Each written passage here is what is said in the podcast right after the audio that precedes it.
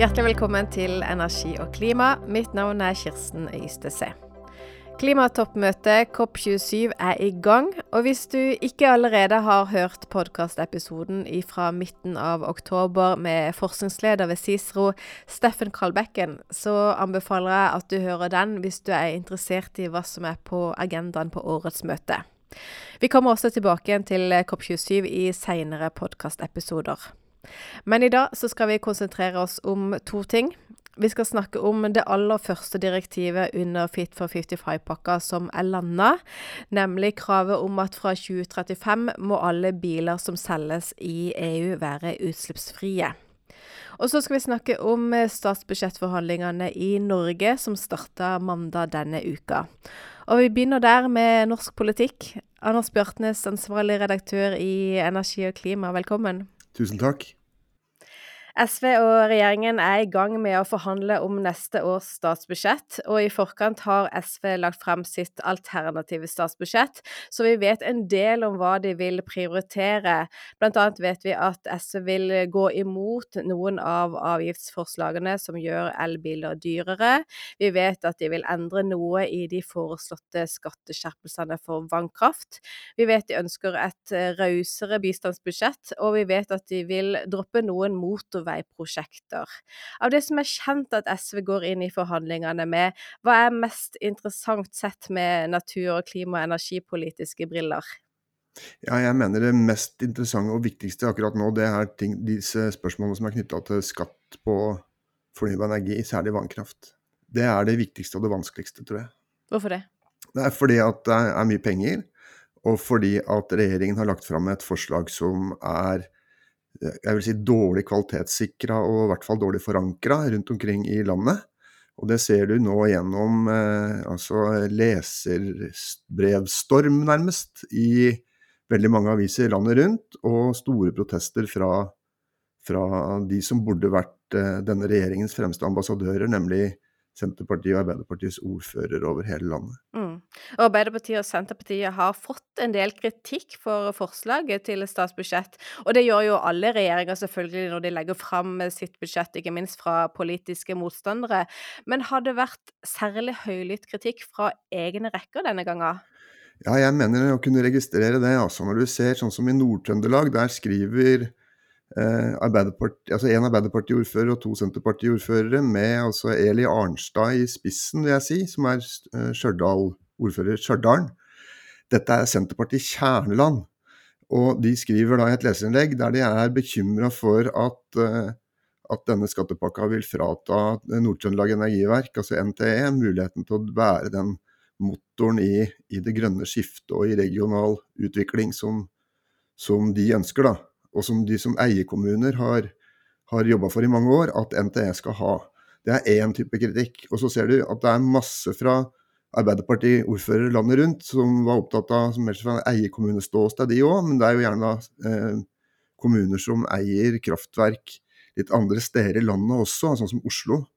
Men, men også fra, fra, Bergen og fra, fra, Stavanger og fra Kristiansand og rundt omkring mange viktige Arbeiderparti-ordførere som var ute, eller innflytelsesrike Arbeiderparti-ordførere som var ute raskt.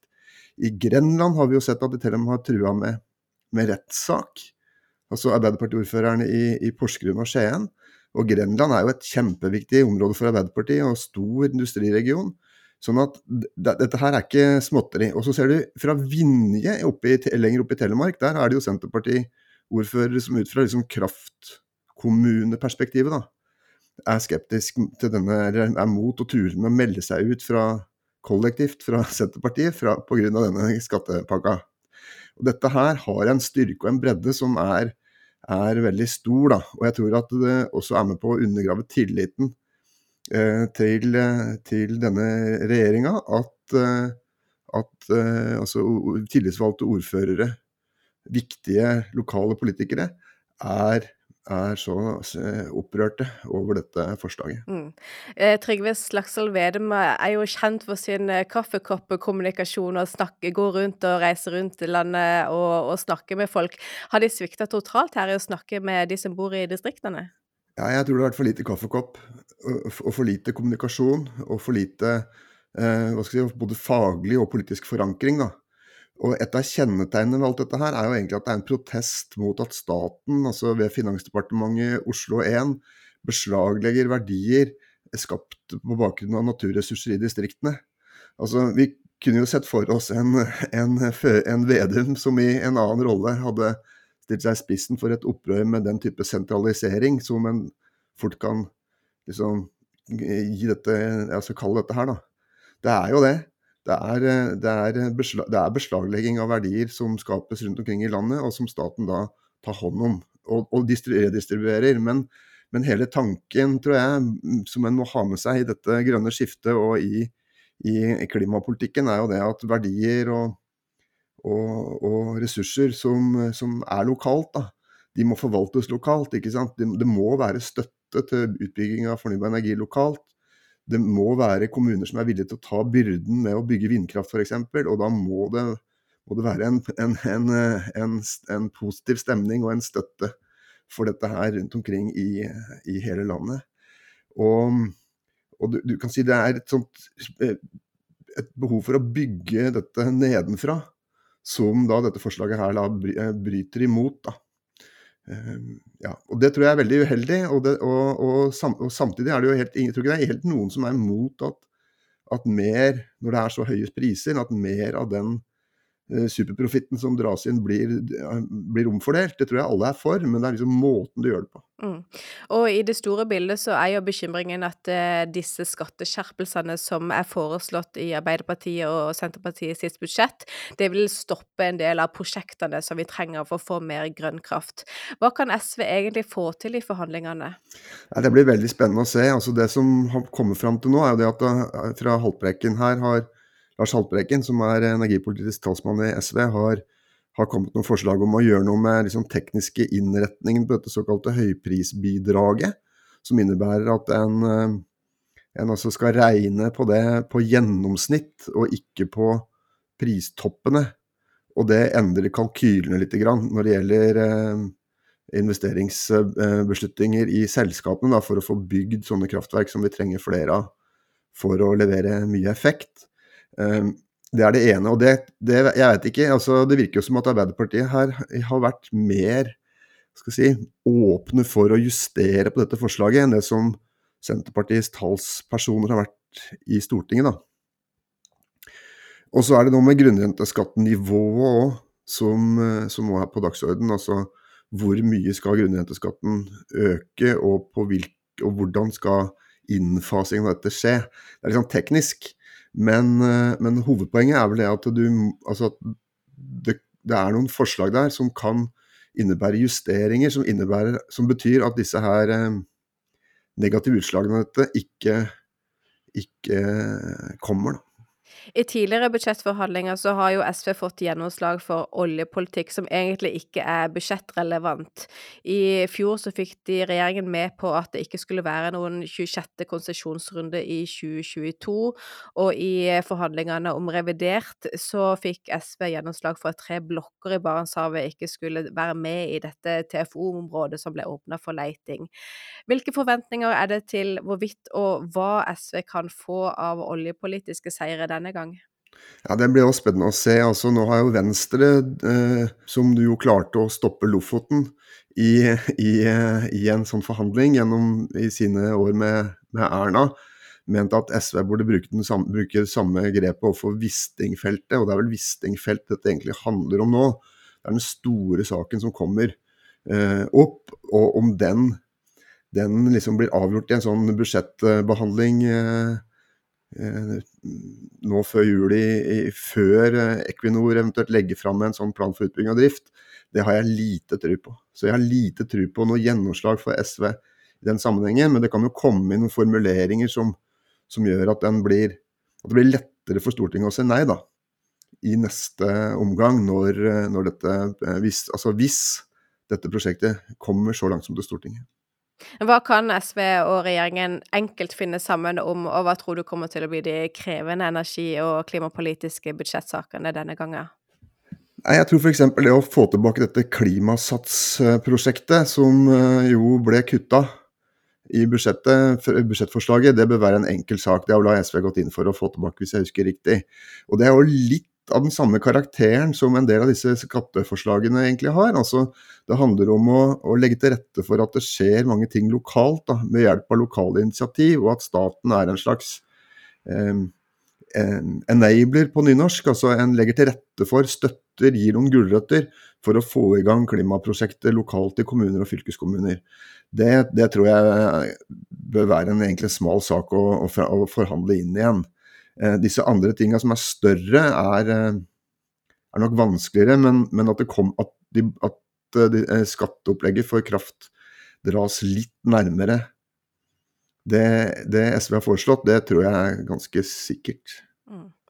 Regjeringa styrer jo på Hurdalsplattformen, hvor det bl.a. står at eh, klima og natur skal være rammen rundt all politikk, og nasjonale utslipp skal kuttes med 55% innen 2030.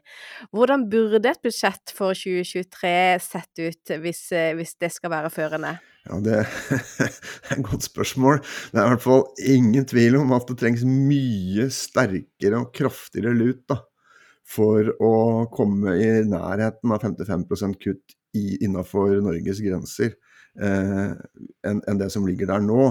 Og så, og så er det jo hele tida den diskusjonen om hva som skal skje her i landet, og hva som kan skje i samarbeid med EU osv. Men, men uansett så, så, er det behov for eh, tiltak som, som, gir større kutt fortere. Og da blir det signalet da, ikke sant, at alle, når alle, uavhengig av politisk ståsted egentlig, er enige om at uh, en helt avgjørende forutsetning for å klare dette er mer fornybar kraft, så kan du ikke lage et statsbudsjett som virker i motsatt retning. Det går jo ikke. Det, det, helt, det er helt feil. Og, og, derfor så blir det å, å sørge for at en eh, får, får, altså, lagd regimer som gjør at en kan bygge ut mer fornybar energi, få til mer energieffektivisering, legge til rette for for mer grønn industri osv. gjennom å stille kraft til rådighet, det er jo helt nødvendig for å klare både de store, altså dette klimamålet på 55% kutt, men også å legge til rette for den omstillingen av økonomien som alle er enige om at eh, vi må gjennom. Så en politikk som stimulerer mer til grønn kraft, er kanskje det viktigste, det du sier? Ja, jeg tror det. I dette budsjettet her så tror jeg det er det viktigste. Ok. Takk for praten, Anders. Takk skal du ha, Kirsten. Da skal vi fra norsk politikk til europeisk. Den 27. Eh, oktober ble Europaparlamentet og Ministerrådet enige om at fra 2035 må alle nye biler som selges i EU være utslippsfrie. Dette er det første direktivet under politikkpakka Fit for 55 som har landa, og det er dermed en viktig milepæl. Vi skal koble opp eh, energi- og klimakorrespondent i Brussel, men bare aller først så skal vi ta et lite dykk ned i bilsalgsstatistikken for å se hvordan EU egentlig ligger an. Lars Henrik Paarup Mikkelsen, du er daglig leder i Norsk Klimastiftelse, og du følger med på utviklingen av elbilsalget også i EU. Hvordan har utviklingen vært, og hvor langt er EU unna at utslippsfrie biler kan utgjøre 100% av bilsalget i 2035? Det er veldig mange land som er på god vei. Man, eh, går man et år tilbake og ser 2021, så var uh, andel elektriske av nybilsalget det var på 9% Og ser du da det siste tilgjengelige kvartalet, tredje kvartal i, uh, i, 2022, så ser du at da er vi oppe i nesten 12 uh, andel elbiler. Så det går jo riktig vei. og det er jo noen land som, som på en måte trekker egentlig resten av feltet med seg. Uh, og sant, I EU så har du Tyskland og Frankrike som er de klart største bilmarkedene. De står for mer enn en tredjedel av det europeiske, eller EU-bilmarkedet. Så klart at hva som skjer i de to landene, er veldig viktig. Legger du på Storbritannia uh, og liksom noen land til, så snakker du om to tredjedeler av bilmarkedet i Europa. Og de landene, og de nordiske nå, begynner liksom å virkelig få, få fart på sakene. Og det er politikk, mye av dette er politikkdrevet. I Norge så utgjorde utslippsfrie biler 77% av alle nye og bruktimporterte personbiler i oktober i år.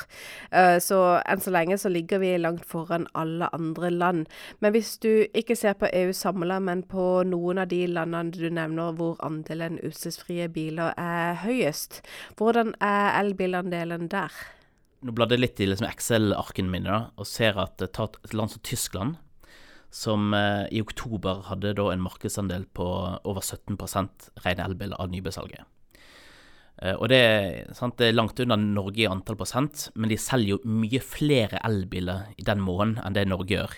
Så de selger jo godt over 30 000 elbiler med en andel på 17% Så klart for, for markedet sin del, og for bilindustrien, så er det som skjer i Tyskland ekstremt viktig. Men går du da tilbake f.eks. tre år, så var i samme måned så snakket vi om 1,6% elbilandel. Så her har jo veldig masse skjedd på, på veldig kort tid. Uh, og, det ser, og, det samme ser du på Storbritannia, Frankrike ser akkurat det samme. Går du tilbake i tre år, så var det liksom 1, 2 og 3 eh, markedsandel. Og tar du Frankrike og Tyskland, så er jo mye av dette her eh, politikk, politikkdrevet, men de har òg en sånn tilleggsdimensjon, da, fordi de har så sterk bilindustri. Så det de landene gjorde, som fikk fart på elbilsalget, det var at de brukte koronakrisen til å, å på en måte booste elbilsalget, fordi at det var bra for deres egen industri. Og det ga umiddelbar uh, utslag på statistikken. Er det flere land i statistikken som er interessante å følge med på? Altså, Hvis du skal med norske øyne da, og tenke at uh, vi er verdens beste, så er det sånn her watch out for Sverige. I oktober så hadde de en markedsandel på 35% elbiler av nybilsalget. Danmark noen og 20% Danmark har det stoppa litt opp. Men i Sverige så har de, så har de virkelig fått sving på, på, sakene. Så i Sverige så, så er elbiler nå veldig svært. Og det, det, som er interessant, det er at når du følger statistikken, så ser du hvor utrolig sensitivt det er for politikkendringer. Så i Sverige for, eh, så hadde de f.eks. når de justerte elbilfordelet, så så du plutselig at så, så ble elbilsalget nesten helt borte. Og så fikk de opp igjen fordelene, og så kom salget tilbake igjen. Så fortsatt så er jo dette veldig sånn politikksensitivt. Og det tror jeg er det samme i uh, Tyskland og Frankrike og de andre landene òg. Så ser du at uh, man er avhengig av støtte i en eller annen form for at uh, dette skal holde seg. Så Tyskland og Frankrike og Sverige er blant landene som har hatt en god vekst i salg av elbiler. Hvilke land henger etter? Altså Andre store eh, si, biland som Spania og Italia de har ikke klart å holde tritt med, med, med Tyskland. Når du kan legge på Storbritannia og Sverige for den saks skyld. Og i Øst-Europa òg så, så ser det dårligere ut. Så det er jo Hva skal jeg si? Hovedfeltet er jo på en måte the, the usual suspects, og så resten de, de kom litt etterpå. Men det er samtidig lenge fram til 2035, så det kommer til å skje mye på bilmarkedet. Og vi merker jo også, sånn som i Norge nå, så begynner vi etter hvert å få et ganske bra sånn her bruktbilmarked på, på, el, på det, mange elbiler i bruktbilmarkedet. Så klart at eh, jeg tror ikke 2035 er veldig ambisiøst når du ser eh, hva som skjer egentlig på bakken. OK. Takk for eh, tallnerdinga, Lars Henrik. Sjøl takk. Da er energi- og klimakorrespondent Alf-Ole Ask med fra en eh, litt bråkete kommisjonsbygning i Brussel i dag. Hallo, Alf-Ole. Hallo, hallo. Fit for 55, som vi har vært innom mange ganger i denne podkasten, det er jo den store politikkpakka som skal sørge for at EU kutter utslippene med 55% innen 2030. Og hele pakka inneholder 15 direktiv, enten nye direktiv eller endringer og oppdateringer av eksisterende direktiv. Og Europaparlamentet og Ministerrådet med kommisjonen de forhandler nå om eh, disse direktivene, og de må komme til en enighet før de trer i kraft. Og Det første de har klart å enes om, det er altså bilpolitikken. Hva konkret er det parlamentet og rådet er enige om, og som dermed blir ny EU-politikk?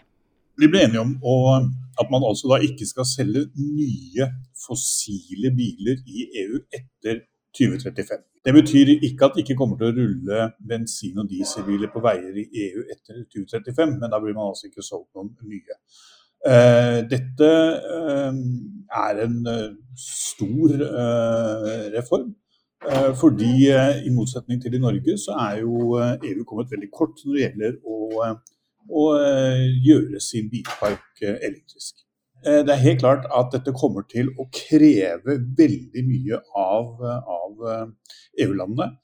Eh, altså det er I dag så jobber det noe sånt som 600 000 mennesker rundt omkring og produserer bildeler og for så vidt da skrur sammen biler i, i EU. Og eh, dette er jobber som nå da eh, rett og slett eh, forsvinner, fordi at en elektrisk bil har mye færre komponenter enn en, en diesel-bensinbil. I tillegg til det så er det jo sånn at disse elektriske bilene inneholder en del type metaller. Eh, som f.eks. Eh, litium, eh, grafitt, eh, nikkel. Som EU da må importere, fordi EU har liten produksjon sjøl av dette. Hvis man da ikke trapper opp dette. Et av de stedene man kan finne en del slike metaller, er jo på havbunnen, hvilket er ganske omstridt. Og I tillegg til det så må man altså eh, håper å si, skape 150 gigawatt mer elektrisitet. Altså man må øke elektrisitetsproduksjonen i EU mellom 20 og 25 for å eh, rett og slett eh, lade eh, disse bilene. Selv om kommisjonen, Europaparlamentet og Ministerrådet er enige om at fossilbiler skal forbys, så er det sentrale personer, bl.a. en fransk kommissær, som er bekymra for om hvorvidt EU vil lykkes. Hva handler det om? Indre markedskommissæren eh, Thierry Breton, franskmann i EU-kommisjonen, har helt en del kaldt vann i blodet på de mest optimistiske når det gjelder det å, å elektrifisere eh, bilparken. Og det er i dette eh, vedtaket eh, noen datoer, f.eks. i 2026 så skal man altså vurdere hvordan dette går.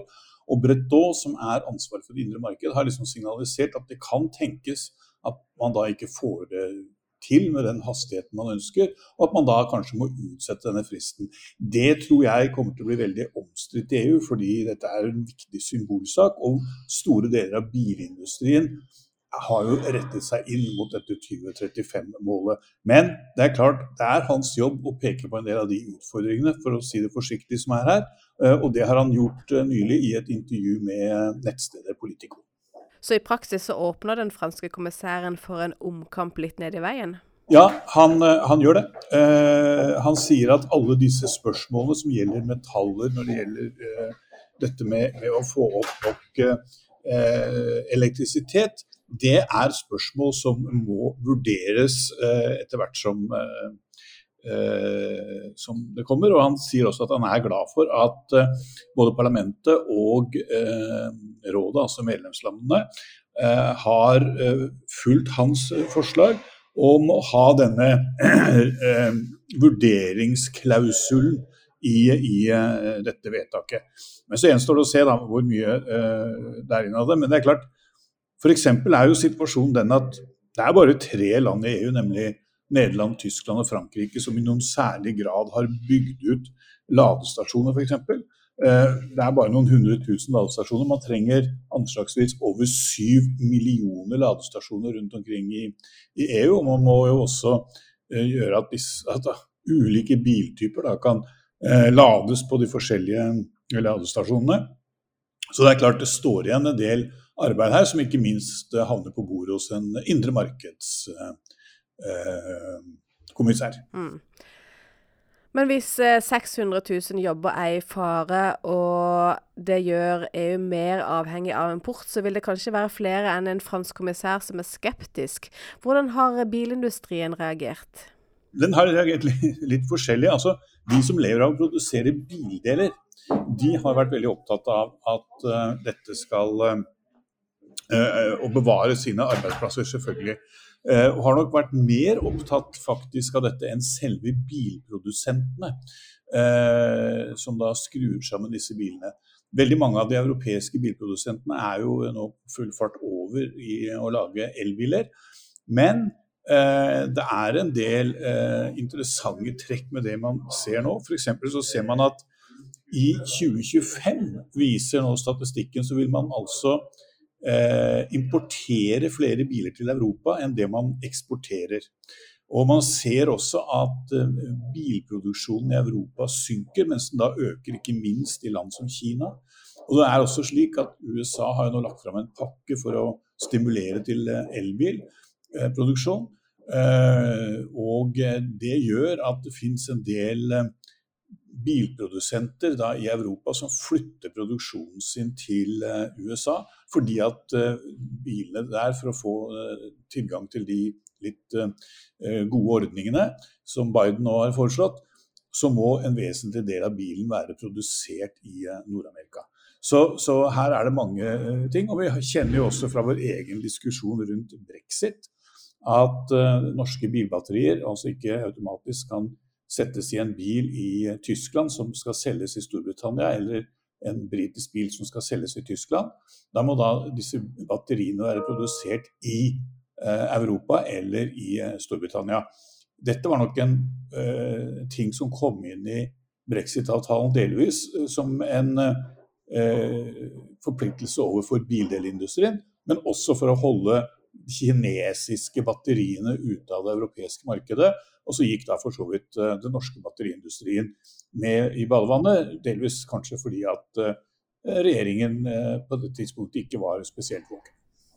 I eh, veien til nudeslipp så er personbilparken noe av det som blir sett på som relativt sett enkelt å gjøre utslippsfri. Men klarer EU å forme politikken sånn at de ikke bare kutter utslipp, men også ivaretar arbeidsplasser og verdiskaping, og sikrer seg noe av gevinsten ved å gå foran i et globalt perspektiv, når de setter en sluttdato for uh, nye fossilbiler? Ja, Det gjenstår jo for så vidt litt å si. Da, for det, Hvis du ser på den økningen som er av import av biler, ikke minst fra f.eks. Kina, så er det klart at det er en trussel for den europeiske bilindustrien. Og den europeiske bilindustrien vil antageligvis sysselsette færre mennesker når den skal produsere elbiler som har eh, mindre bevegelige duppetitter, for å si det litt folkelig, enn det eh, en, en eh, eh bensin- og dieselbil har. Så, så, derfor så vil det antageligvis nå da, da bli færre eh, ikke bare antageligvis, Det kommer til å bli færre arbeidsplasser i, i, denne industrien. og Det er klart at det svir, for mange av disse arbeidsplassene ligger jo rundt omkring i distrikter osv. Eh, dette kommer jo i, i, norsk sammenheng til å sikkert å bli en utfordring for den del av norsk industri som også produserer biler. Det gjør man jo f.eks. på Raufoss. Sånn at eh, dette kommer man jo til å merke omkring i, i Europa. Dette, og så kan man si ja, eh, 2035 det er da 12-13 år til. Eh, og det går fort når, man først skal, skal, gjøre en såpass eh, stor endring som, eh, som, dette er. Men det er klart at, at eh, målet her er jo at mye av denne bilparken, både store biler og, og, og personbiler, skal være utslippsfrie. Eh, en voksen andel av det, også mye før 2035, selvfølgelig. Fordi, fordi eh, man kan ikke sitte og vente til siste stund hvis man skal få de resultatene som man ønsker. Hva blir vanskelig for EU når de skal gjennomføre en grønn omstilling av bilparken?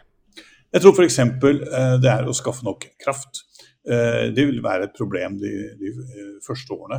Eh, til man liksom får bygd ut fornybar energi og, og den type ting.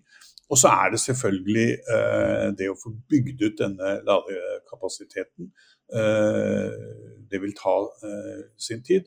Eh, så, så er det, Og så har du hele denne spørsmålet da, hvor skal disse bilene produseres. Og hvis de skal produseres i Europa, så må man ha en lang rekke av disse metallene som man da i dag eh, ikke har i tilstrekkelig grad. Og så er det spørsmålet om man kan klare å få produsert de i Europa, eller få importert dem fra vennligsinnede eh, land.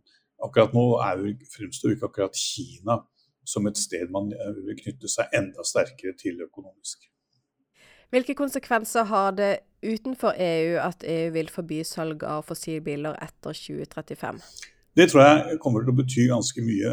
Eh, fordi at er det én ting EU på mange måter har vært gode til, så er det å sette standarder som da adopteres av andre for å få uh, tilgang til dette store markedet.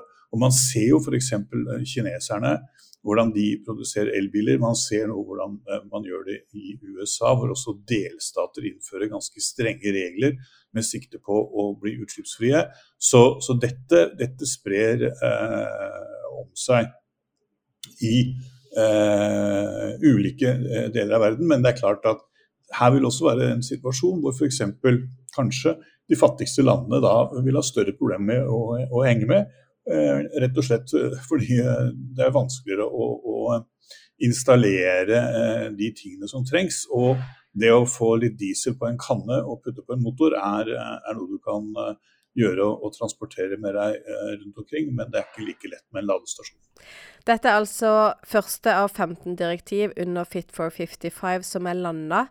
Hva ligger an til å bli det neste som kommisjonen, parlamentet og rådet kan komme til enighet om? Ja, Det eh, våger jeg ikke å spå, men, men, jeg tror du kommer til å se fra nå av og fram til eh, de tar juleferie i desember, at du kan få flere sånne avklaringer. En av de tingene som ligger der som kanskje kan komme ganske raskt, er denne Repower EU, som er tre direktiver som kom på toppen av, av, av Fit for 55, og som på mange måter var direkte linket inn mot eh, tiltak for å dempe importen av russisk gass.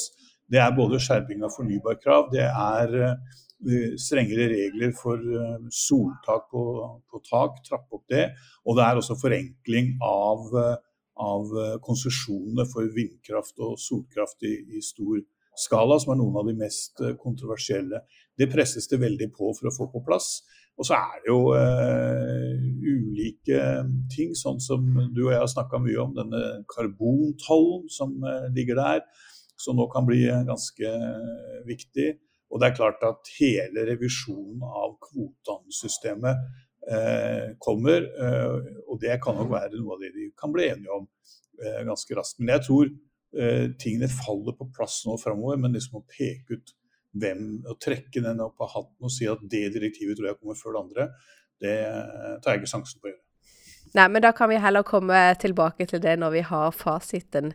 Takk for oppdateringene fra Brussel, Alf Ole. Vær så god. Takk også til eh, du som lytter på, enten du er fast eller ny lytter. Hvis du ikke allerede abonnerer på Energi og klimas podkast i din foretrukne podkastapplikasjon, så gjør gjerne det. Takk for i dag.